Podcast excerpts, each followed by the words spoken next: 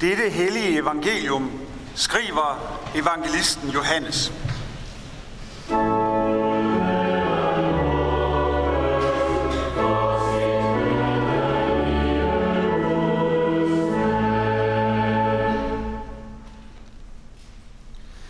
Derefter tog Jesus over på den anden side af Galileas sø, Tiberias sø. En stor folkeskar fulgte ham, fordi de så de tegn, han gjorde ved at helbrede de syge. Men Jesus gik op på bjerget, og der satte han sig sammen med sine disciple. Påsken, jødernes fest, var nær. Da Jesus løftede blikket og så, at en stor skare kom hen mod ham, sagde han til Philip, hvor skal vi købe brød, så disse folk kan få noget at spise? Men det sagde han for at sætte ham på prøve, for selv vidste han, hvad han ville gøre. Philip svarede ham, brød for 200 denarer slår ikke til, så de kan få bare en lille smule hver. En af hans disciple, Andreas, Simon Peters bror, sagde til Jesus, der er en lille dreng her.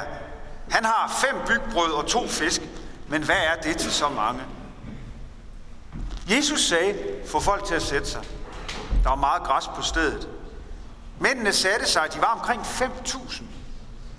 Så tog Jesus brødene, takkede, delte ud til dem, der sad der. På samme måde også af fiskene, så meget de ville have. Da de var blevet mætte, sagde han til sine disciple, samle de stykker sammen, som er til overs, så intet går til spilde. Så samlede de det sammen og fyldte 12 kurve med de stykker af de fem bygbrød, som var til overs, efter dem, der havde spist. Da folk havde set det tegn, han havde gjort, sagde de, han er sandelig profeten, som skal komme til verden. Jesus forstod nu, at de ville komme og tvinge ham med sig for at gøre ham til konge. Og han trak sig atter tilbage til bjerget, helt alene. Amen.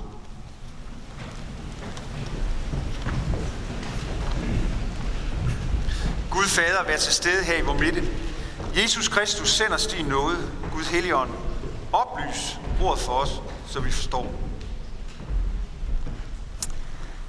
Inden vi kaster os over det store mirakel med Jesus, der sørger for, at 5.000 mænd bliver mætte ved at dele fem brød og to fisk med dem, og der efterfølgende samles 12 kurve fyldte med brød, der er til overs.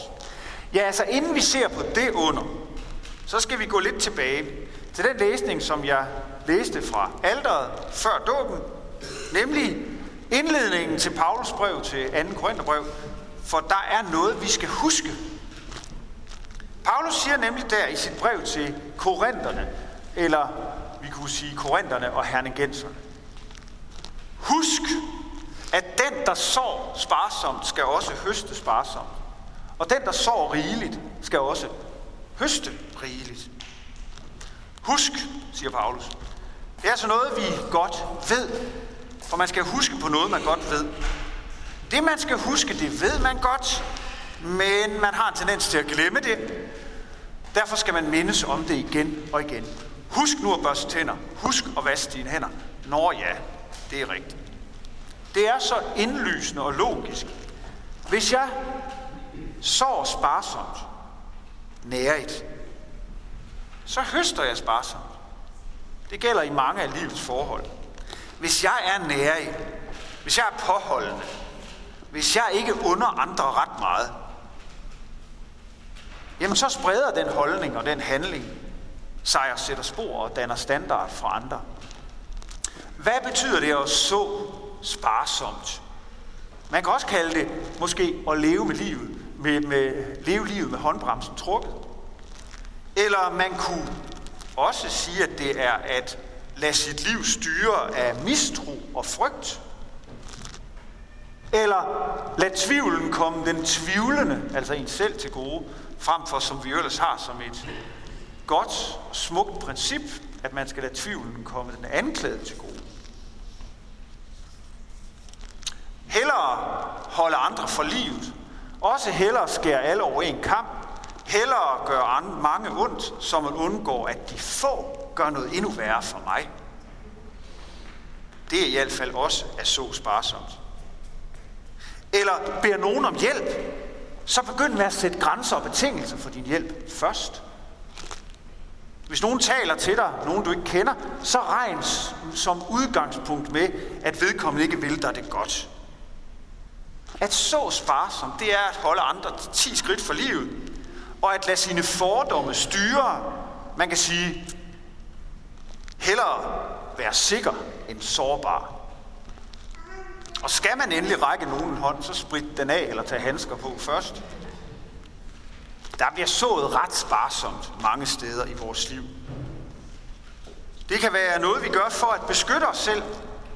Det kan være, fordi vi har oplevelser med i vores liv, der gør, at vi ikke tør møde verden med et åbent sind. Så vi i stedet for sætter barriere op og kun strør ganske let af os selv ud.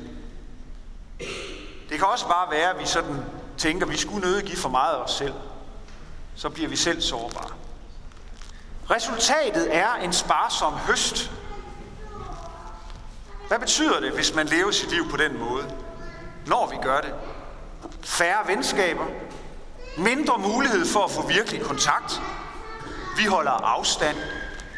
Vi spørger ikke ind til den, vi ved, der har det svært. Den, der er blevet alene. Den, der er blevet skilt. Den, der oplever sygdom tæt på. Og møder vi en fremmed, som er i vanskeligheder, så går vi forbi. Eller går udenom. Undlader og gøre noget ved det. Det har konsekvenser for den folkelige samtale, hvis vi ikke tør tale med hinanden. Hvis vi ikke tør tale med mennesker, vi også er uenige med, eller i hvert fald er meget, meget forskellige fra. At så sparsomt, det har som konsekvens en ringe høst af sammenhæng, en ringe høst af fællesskab, omsorg og forståelse for hinanden. Og tænk, hvis nu vi var bedre til at så rigeligt. Hvad ville det så for eksempel ikke kunne gøre for den folkelige samtale i Danmark? Tal med din nabo, dit medmenneske, den du møder på vejen, med et åbent sind. Tal med dem, du umiddelbart ikke forstår. Tal med den syriske flygtning, med din polske håndværker. Tal med den unge, hvis du er gammel, eller med den gamle, hvis du er ung. Giv dig selv åben dig så rigeligt, Tror vi virkelig selv på, at vi kan få en god høst ved at så sparsomt? Tror vi for eksempel, at vi i Danmark får fællesskab og sammenhængskraft ved at være hård i filten, afvisende, så hård man næsten ikke tror sine egne ører? Og lad mig tillade mig at tage et skarpt eksempel om den måde, vi nogle gange taler om tingene på. Og lad mig tage et rigtigt, krast og hårdt eksempel. Hvad stiller Danmark op med de mennesker, som åbenlyst har forrådt Danmark og er taget for eksempel til Syrien for at kæmpe for islamisk stat. Der er jo ingen, der er uenige i, at det er en kæmpe forbrydelse, og noget, der på det kraftigste skal tages afstand fra, og det skal have konsekvenser. Men samtidig så bliver et samfund altid defineret på, både hvordan det behandler sin svageste, men også hvordan man behandler forbrydere og sine fjender? Handler man kun med hævn, eller handler man også med retfærdighed? I parentes bemærket, så står Jesus jo over i det ene ringhjørne og siger, velsign den, der forbander dig, og slår nogen, der på den ene kind, så vend den anden til. Men det kan vi nok ikke lave lovgivning på. Men når ministre i Danmark siger, jeg vil ønske, syrienskrigerne var døde.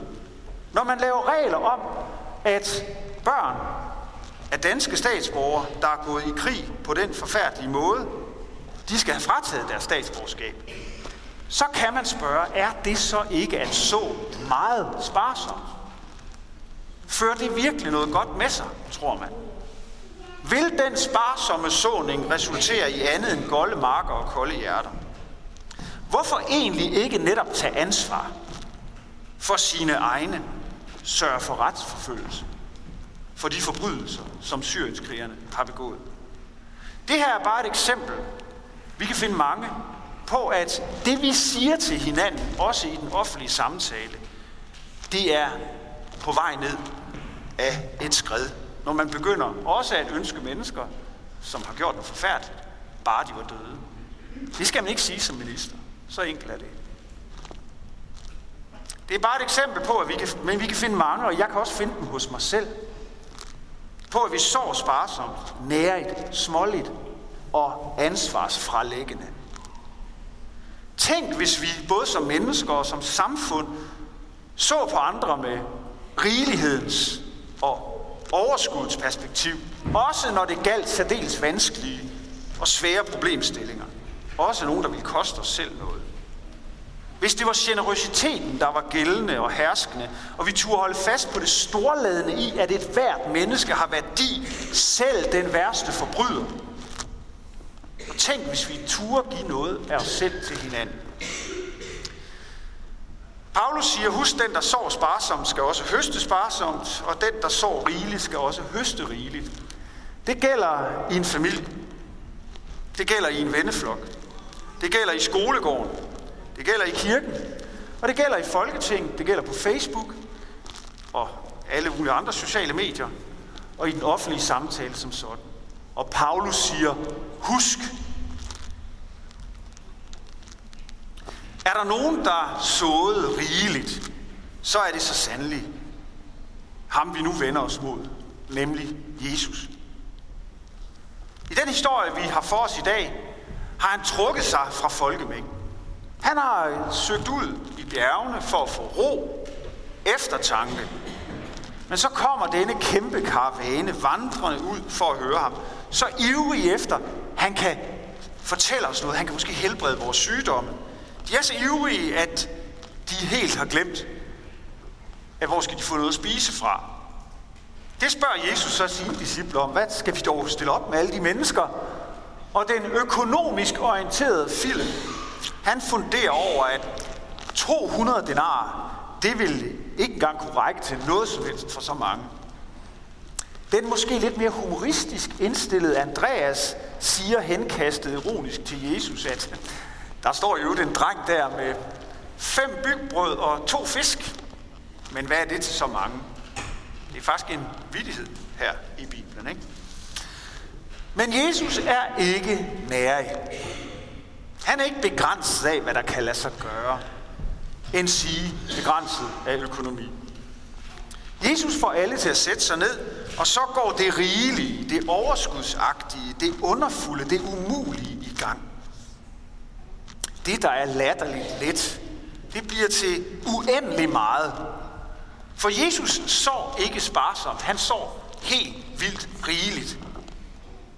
Og høsten bliver stor, overskuddet ubegribeligt. Nu kan vi jo så lege ironiske Andreas og holde det hele sådan lidt på afstand. Skør gammel historie. Eller vi kan lege øh, økonomiske Philip og lave sandsynlighedsberegninger for, om det overhovedet kunne lade sig gøre. Men så vil vi jo netop bare så sparsomt, karigt, snæversynet, fordomsfuldt i mødet med den her fortælling. I stedet skal Jesu rigelige og vilde og fantastiske under her få os til at se Guds vilde, fantastiske, underfulde kærlighed til os. Os, der så ofte sår sparsomt. Han sår og sår rigeligt, øsselt og vildt, fordi han gerne vil høste os ind med kærlighed og vækst og udvikling til følge. Og han vil, at vi skal prøve at gøre lige så. Så rigeligt. Ja, bare sige det lidt hippieagtigt. Så kærlighed og åbenhed og sandhed. Et gammelt hit fra min ungdom med Tears for Fears hed Sowing the Seeds of Love. Så kærlighedens frø. Jamen det er faktisk det, vi skal forsøge at gøre. Os mennesker. Men hold op, hvor er jeg, og hvor er vi, hvor er Danmark? Ja, lad os da bare sige, hvor er verden dog lidt lydhør og åben og modtagelig for det. Det er derfor, vi har brug for Paulus. Husk, den, der så sparsomt, høster sparsomt. Den, der så rigeligt, høster rigeligt. I endnu højere grad har vi nu brug for at holde os til ham, der såede så rigeligt, at det sprængte alle grænser. Det var da ganske vist vildt, at fem brød og to fisk kunne give mad til 5.000. Men Jesus Kristus har sået et langt, langt rigeligere frø, der er blevet til den rigeligste høst, der findes. For her ved midfaste, der har vi påsken i sigte. Om 14 dage er det palmesøndag. Om tre uger er det påske. Og der i påsken, der såede Jesus ultimativt rigeligt. For da, da han døde, døde for at besejre døden. Døde for at besejre synden, skylden, skammen, sorg for os. Og påskemorgen, da Jesus opstod, begyndte den overvældende rige høst, der har kærlighed nok til os alle. Os nære mennesker, der sår så sparsomt. Ham skal vi holde os til. Og så skal vi indrømmet, realistisk set nok kun i det små, så så rigeligt vi kan, i troen på, at vi faktisk, når vi gør det, er sendt af ham, der aldrig så sparsomt. Amen. Lov og tak og evig ære være dig, hvor Gud, Fader, Søn og Helligånd, du som var, er og bliver en sand træen i Gud, højlovet fra første begyndelse, nu og i al evighed. Amen. Hellige Gud og himmelske Far, vi lover og tilbeder dig, som i godhed har skænket os livet og alle dets gaver. Tak for jorden, du har skabt. Lær os at passe på den. Vi takker for vores medmennesker, som du har givet os at dele livet med. Lær os at se på hinanden med kærlighedens øjne, med tilgivelsens øjne. Lær os at høste rigeligt over for vores medmennesker. Og lær os at tage vare på hinanden og se hinanden som brødre og søstre. Vi takker dig for Jesus Kristus, som blev vores bror, som levede, led, døde og opstod for os. Vi takker dig for nådens og sandhedens ånd, som har taget bolig i os og er midt i blandt os. Vi takker dig for genfødelsen, dåben, og vi beder dig i dag for Emma og Emil og Mason, som er blevet døbt, og vi beder dig også for Carla, som skal døbes her umiddelbart efter gudstjenesten. Vi takker dig også for evangeliets lys og for dit nærvær og din velsignelse i nadvånden. Vi beder dig for din kirke ud over hele jorden og her hos os i Herningssorg. Tag ikke noget til sandhedens ord fra os. Bevar os alle i troen og den indbyrdes kærlighed. Lad håbet om, at du kommer igen leve i blandt os. Giv os trofaste ledere og forkyndere af dit ord. Forbarmt over alle, der far vild. Over dem, der lider for dit navns skyld. Ja, vi beder for dem, som bliver forfulgt, fordi de tror på dig. Og lad dit evangelium komme ud til alle folkeslag.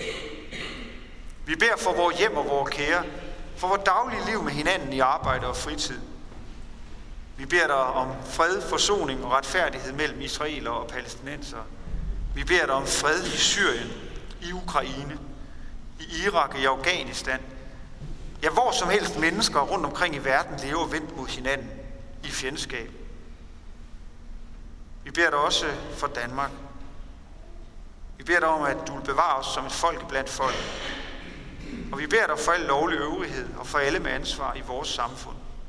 Vi beder for dronning Margrethe og hele det kongelige hus, for regering, folketing og domstole, for regionsråd og kommunalbestyrelse. Giv dem troskab og visdom til at forvalte deres magt og viden til værn for de svage og til gavn for alle. Vær nær hos alle fattige, alle forpinte og bedrøvede. Vær med mennesker, der sidder i fængsel. Vær med dem, der er flygtet fra deres hjemland. Vi beder dig også for forladte og ensomme. Dem, der mangler det nødvendigste til livets ophold. Vær nær ved de syge, dem, der skal dø, og dem, der har mistet. Forbarm dig over os. Giv os ikke løn som forskyldt, men fri os fra det onde. Og lad os på den yderste dag få lov at opstå med Kristus. Og evigt takke dig ved din elskede søn, Jesus Kristus. Amen.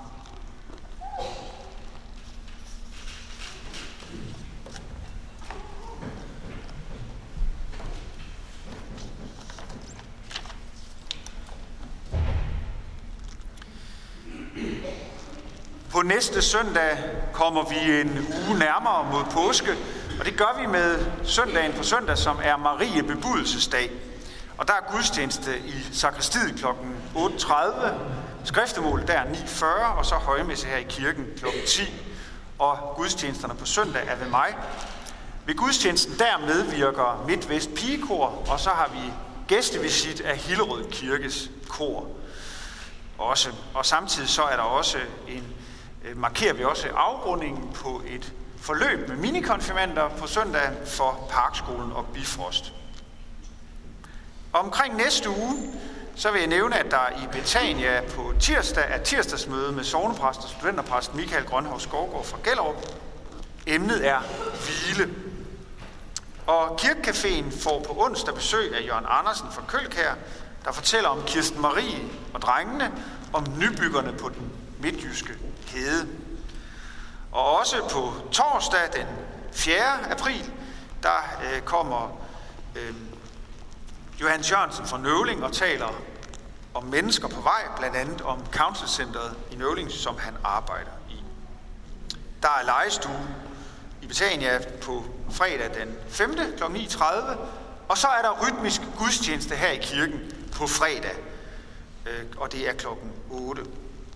Der er også på lørdag øh, kirkehøjskole, der vil Jens Christian Hasser Kirk, sovnepræst fra Stejbjerg og formand for arrangementskomiteen for Himmelske Dage på Heden, fortælle netop om det kæmpemæssige arrangement, der finder sted i Kristinfartsdagene her i Herning, med over 400 arrangementer, Himmelske Dage på Heden. Og så vil jeg om foromtale to ting. Først i den næst følgende uge, hvor vi har øh, sovneaften med læge Han, Hans Holmsgaard fra Tyberon, som taler om, hvad er et menneske værd, og hvornår er det ikke længere noget værd? Spørgsmålstegn. Det er den 10. april. Og så skal jeg også øh, lige øh, gå endnu længere frem, frem nemlig til øh, skær torsdag. Øh, for skal torsdag, der fejrer vi traditionen tro øh, både gudstjeneste her om aftenen kl. 7, men inden da kl. 16.30 et påskemåltid. Og det skal man melde sig til senest den 14. april, og der er så nogle sædler, som er ude i våbenhuset. Jeg kan på det varmeste anbefale jer selv at give jer den oplevelse og tage med til påskemåltidet skal torsdag. Efter gudstjenesten så er alle velkommen til kirkekaffe over i Betania. Og vi samler i dag ind til Herningssovns menighedspleje, som er en mulighed for at hjælpe folk her fra vores sovn, som har brug for en håndsrækning. Tak for enhver gave til det formål. Så vil jeg også, så kan jeg også nævne, at øh, i forlængelse af gudstjenesten, der øh, holder vi en dåb. Der er et barn, som skal døbes, som øh, endnu ikke er stor nok til at kunne klare at være sammen med så mange mennesker, men hun skal døbes her umiddelbart bagefter, og det glæder vi os til. Så også, der sidder en del, der skal med til den, og I skal jo bare blive her bagefter. Vi skal, jeg vil bede alle rejse sig, og så med apostlen skal vi tilønske hinanden, hvor Herre Jesu Kristi nåde, Gud vor Faders kærlighed og Helligåndens fællesskab. Amen.